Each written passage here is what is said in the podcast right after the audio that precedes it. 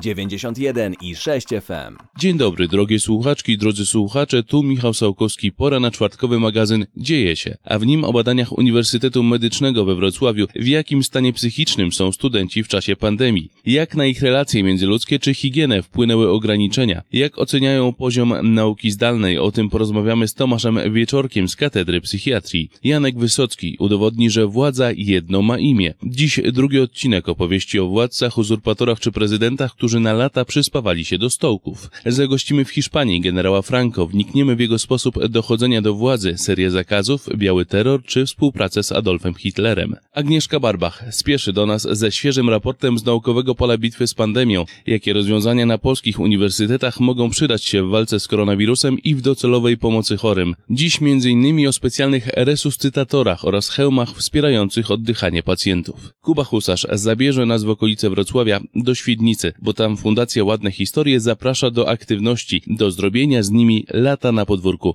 naszpikowanego warsztatami od nauki gry na instrumentach po taniec. No to szybkim krokiem ruszamy. Akademickie Radio Luz. Agnieszka Barbach, zapraszam na newsy z polskiego pola bitwy z pandemią. Specjaliści z Warszawskiego Uniwersytetu Medycznego opracowali namiot barierowy zapobiegający niekontrolowanemu rozprzestrzenianiu się aerozolu wydychanego przez pacjentów zakażonych wirusem SARS-CoV-2 lub innymi wysoko zakaźnymi patogenami. Urządzenie jest proste, łatwe w użyciu, jednorazowe i tanie, bo kosztujące zaledwie 200 zł. W okolicy głowy pacjenta znajdują się dwie śluzy pozwalające na wprowadzenie rąk. Mają formę rękawów zakończonych elastycznym zwężeniem na dystalnym końcu. Namiot umożliwia wykonanie wielu procedur medycznych. Może być używany w szerokim zakresie w opiece medycznej, zarówno na salach operacyjnych, oddziałach intensywnej terapii, szpitalnym oddziale ratunkowym, jak i w transporcie szpitalnym. Być może także w pracowniach tomografii komputerowej czy rezonansu magnetycznego, jak również, co jest niezwykle istotne, w ratownictwie medycznym. Zespoły z Wojskowej Akademii Technicznej i Politechniki Warszawskiej ze wsparciem firmy WAC w ciągu miesiąca opracowały kilka różnych wariantów hełmów wspierających oddychanie, m.in. u pacjentów z COVID-19. Pomysłodawcą i koordynatorem przedsięwzięcia jest anestezjolog Łukasz Wróblewski z Centralnego Szpitala Klinicznego Uniwersyteckiego Centrum Klinicznego Warszawskiego. Dzięki zastosowaniu druku 3D w procesie wytwarzania elementów konstrukcyjnych możliwa była bardzo szybka weryfikacja wstępnie przyjętych założeń konstrukcyjnych i wprowadzenie niezbędnych poprawek inżynierskich, zwiększających funkcjonalność oraz ergonomiczność poszczególnych części. Zaletą hełmu wspierającego proces oddychania jest możliwość uzyskania odpowiednich, regulowanych w zależności od potrzeb, wartości ciśnienia powietrza oraz stężenia tlenu wewnątrz hełmu, co ułatwia pacjentowi oddychanie. Taki hełm ogranicza bezpośredni kontakt z potencjalnie zakaźnym powietrzem wydychanym przez pacjenta. Obecnie hełmy są testowane przez lekarzy i studentów Warszawskiego Uniwersytetu Medycznego, a po badaniach i certyfikacji będą mogły trafić do polskich szpitali do leczenia pacjentów z niewydolnością oddechową. Na Politechnice Śląskiej w Gliwicach opracowano automatyczny resuscytator, który choć nie zastąpi profesjonalnego sprzętu, może pomóc w lżejszych przypadkach niewydolności oddechowej. Urządzenie działa na zasadzie worka samorozprężalnego, czyli tzw. Tak ręcznego resuscytatora, który jest sterowany komputerowo. Daje to możliwość ustawienia podstawowych parametrów pracy, długości wdechu, czasu pomiędzy kolejnymi wdechami, czyli częstotliwości oddychania czy ilości powietrza wpychanego do płuc. Chociaż urządzenie nie jest przeznaczone dla chorych na COVID-19, to wciąż inni pacjenci mogą potrzebować sprzętu wspomagającego oddychanie i właśnie z myślą o nich powstało to urządzenie. Trzymajcie się zdrowo i zostańcie w domach. Agnieszka Barbach. Radio Luz 91 i 6 FM. Go ahead. Cześć, tutaj Janek Wysocki, a dzisiejszym bohaterem jest postać bardzo kontrowersyjna. O ile można powiedzieć to o dyktatorze, niemniej do dziś ocena jego postaci jest niejednoznaczna. Dlatego dzisiaj w cyklu Władza jedno ma imię przyjrzymy się generałowi Francisco Franco. Uczęszczał on do Akademii Piechoty w Toledo, którą ukończył w 1910 roku. Udało mu się otrzymać przydział w Maroku, w którym brał udział w walkach z Kabylami, czyli Berberami zamieszkującymi tereny Maroka. Szybko piął się po szczeblach drabiny oficerskiej. Kolejna wojna, w której brał czynny udział, to było powstanie Rifenów, którzy zbuntowali się przeciwko zarówno Francuzom, jak i Hiszpanom w Maroku. Franco, wtedy już w stopniu generalskim, zyskał sławę i poważanie wśród żołnierzy. Zanim jednak został naczelnym dowódcą wojsk hiszpańskich w Maroku, stał on na czele wojsk Republiki Hiszpańskiej tłumiących rewolucję rewolucję w Austurii. Wtedy dał się on poznać jako bezwzględny i zagorzały przeciwnik komunizmu. Generał Franco, obawiając się, że front ludowy wygrał wybory w Hiszpanii, postanowił dokonać przewrotu. Rok 1936 zaważył na jego karierze oraz wyniosła go ostatecznie na szczyt władzy. Wojna domowa w Hiszpanii charakteryzowała się wyjątkowym okrucieństwem i doprowadziła do ogromnych zniszczeń. Konflikt trwał 3 lata, kończąc czasy II Republiki i zamieniając kraj w państwo autorytarne. W czasie walk zginęło ponad 200 tysięcy osób, a ogromna liczba osób popierających republikę uciekła z kraju, tudzież założyła partyzanckę antyfrankistowską. Jednak rok 1939 nie sprawił, że Hiszpania przestała spływać krwią. Generał Franco wdrożył swoją wizję państwa opierając się na nacjonalizmie i chrześcijańskich wartościach. Całe szkolnictwo było podporządkowane klerowi, zabronił ślubów cywilnych, zabronił rozwodów oraz aktów homoseksualnych. W Hiszpanii zapanował tzw. Tak biały terror. Historycy nie są zgodni co do rozmiarów, jednakże liczba zamordowanych waha się od 60 do aż 400 tysięcy osób. W samej Hiszpanii pobudowano obozy koncentracyjne na wzór tych niemieckich, jednak bez infrastruktury śmierci. Generał Franco współpracował z Adolfem Hitlerem podczas II wojny światowej, jednak nigdy nie przystąpił do państw osi. Jednym z bardziej znanych aktów pomocy było wysłanie tzw. Tak błękitnej dywizji ochotników hiszpańskich do walki z ZSRR. Jednak wraz, gdy szara zwycięstwa przechylała się na stronę aliantów, również i Franco stawał się mniej życzliwy dla III Rzeszy. W 1947 roku Franco proklamował monarchię katolicką, społeczną, tradycyjną i reprezentacyjną, który jednak król nie miał być przywrócony, lecz wprowadzony na nowo i to dopiero po śmierci Franco jako regenta. Klan tej był odbiciem poglądów generała, często był nazywany faszystowski. Po II wojnie światowej wielu nazistów korzystało z gościny kraju Franco. Niemniej w latach 50. musiał on zrewidować swoje interwencjonistyczne poglądy na gospodarkę. W latach 60. została ona urynkowiona, a Hiszpania przeżyła tzw. Tak hiszpański cud gospodarczy. Pod koniec lat 60. generał Franco zaczął chorować na chorobę Parkinsona, by ostatecznie umrzeć w 1975 roku. Po nim władzę objął król Jan Karol I, który rozpoczął szereg reform demokratyzujących kraj. Dzięki temu kraj szybko wstąpił do Unii Europejskiej, a następnie do NATO. Osoby, które bronią generała Franco, odpowiadają, że jego brutalne metody były jedynie odpowiedzią na również brutalne metody jego przeciwników i były to tak zwane realia wojny. A lata 60. podają za przykład, że dzięki niemu kraj ten znacznie się unowocześnił i podniósł poziom życia wszystkich Hiszpanów. Niemniej nie ulega wątpliwości, że nawet po wojnie domowej i II wojnie światowej rządził on twardą ręką, nieraz zwalczając siłą jakiekolwiek przyjawy autonomiczne, czy to katoliczyków, czy basków. Dyskusja nad osobą generała jest kolejną z cyklu, czy śmierć tysięcy jest warta tego, żeby później reszcie żyło się lepiej. Niestety ci, co zginęli, wypowiedzieć na ten temat już się nie mogą. Radio Luz. Włącz się na 91 i 6 FM.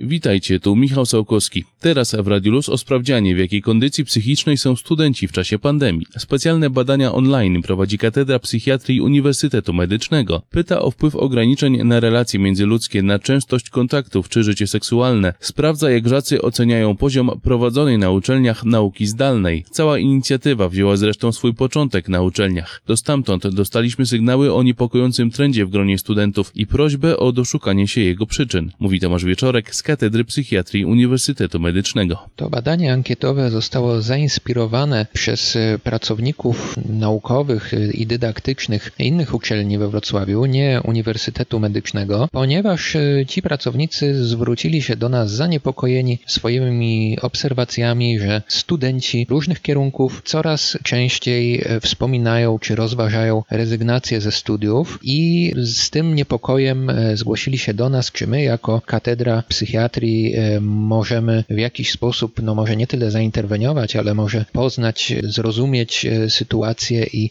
w jakiś sposób e, odpowiedni zadziałać. No w związku z tym pojawił się pomysł na stworzenie badania, przeprowadzenie takiego badania kwestionariuszowego w całości online, a jednocześnie organizowania pomocy psychologicznej, wsparcia psychologicznego czy psychiatrycznego dla potrzebujących studentów. Badanie skupia się na tym, jak pandemia i ograniczenia z nią związane wpływają wpłynęły na nasze codzienne funkcjonowanie, postrzeganie rzeczywistości i regularne czynności, które musiały siłą rzeczy przybrać inną formę, ocenia Tomasz Wieczorek z Katedry Psychiatrii Uniwersytetu Medycznego. Badanie przede wszystkim skupia się na tym, w jaki sposób studenci zareagowali, jeśli chodzi o, o funkcjonowanie psychiczne, ale też o styl życia, jak pandemia wpływa na nasze życie, naszą codzienność, naszą rzeczywistość. Istotny też jest fakt zupełnej zmiany formy zajęć prowadzonych na uczelniach, zwykłej formy na nauczanie formie zdalnej i też interesowało nas, w jaki sposób to mogło się przełożyć na samopoczucie i funkcjonowanie studentów. Sama ankieta jest zatytułowana Keep Calm and Quarantine On i składa się z kilku części. Pierwsza część, dość obszerna, to jest szczegółowy kwestionariusz nasz autorski, w którym pytamy o styl życia studenta w trakcie pandemii, o podstawowe informacje demograficzne, to czy ktoś jest w związku partnerskim, może małżeńskim, czy,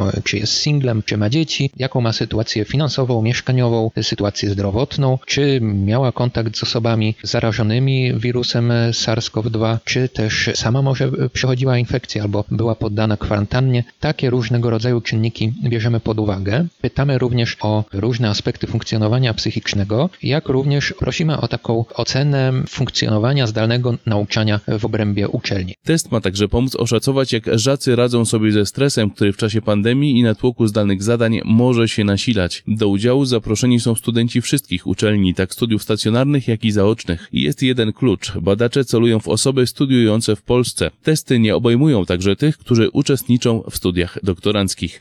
Akcja prowadzona jest z użyciem specjalnych narzędzi badawczych popularnych w tego typu zadaniach. Pierwsze narzędzie to jest tak zwany ogólny kwestionariusz zdrowia, czyli General Health Questionnaire. To jest kwestionariusz, który e, ma za zadanie przede wszystkim oceniać ogólny stan zdrowia, w tym również zdrowia psychicznego. Kolejny kwestionariusz to jest Insomnia Severity Index, czyli skala nasilenia bezsenności, czy wskaźnik nasilenia bezsenności. Bardzo powszechnie stosowane narzędzie krótkie, które pozwala dość wiarygodnie diagnozować problemy ze snem, szczególnie problemy o typie e, bezsenności. Kolejne narzędzie to jest e, kwestionariusz Minicope, czyli inwentarz do pomiaru radzenia sobie ze stresem. On zawiera z kolei pytania, w jaki sposób e, ankietowany radzi sobie z sytuacjami stresującymi, jak rozładowuje emocje, jak to potocznie nazywamy. I ostatnie narzędzie to jest zrewidowana skala wpływu zdarzeń, czyli Impact of Event Scale, używana mm, do oceny tego, w jaki sposób konkretne wydarzenie, konkretne zdarzenie, no w obecnej sytuacji mamy na myśli sytuację pandemii, wpływa na funkcjonowanie psychiczne, czy w jaki sposób w ogóle jest przeżywane przez daną osobę. Badania to tylko jedna z dróg. Specjaliści nie tylko proszą o pomoc studentów, ale także sami udzielają pomocy psychologicznej albo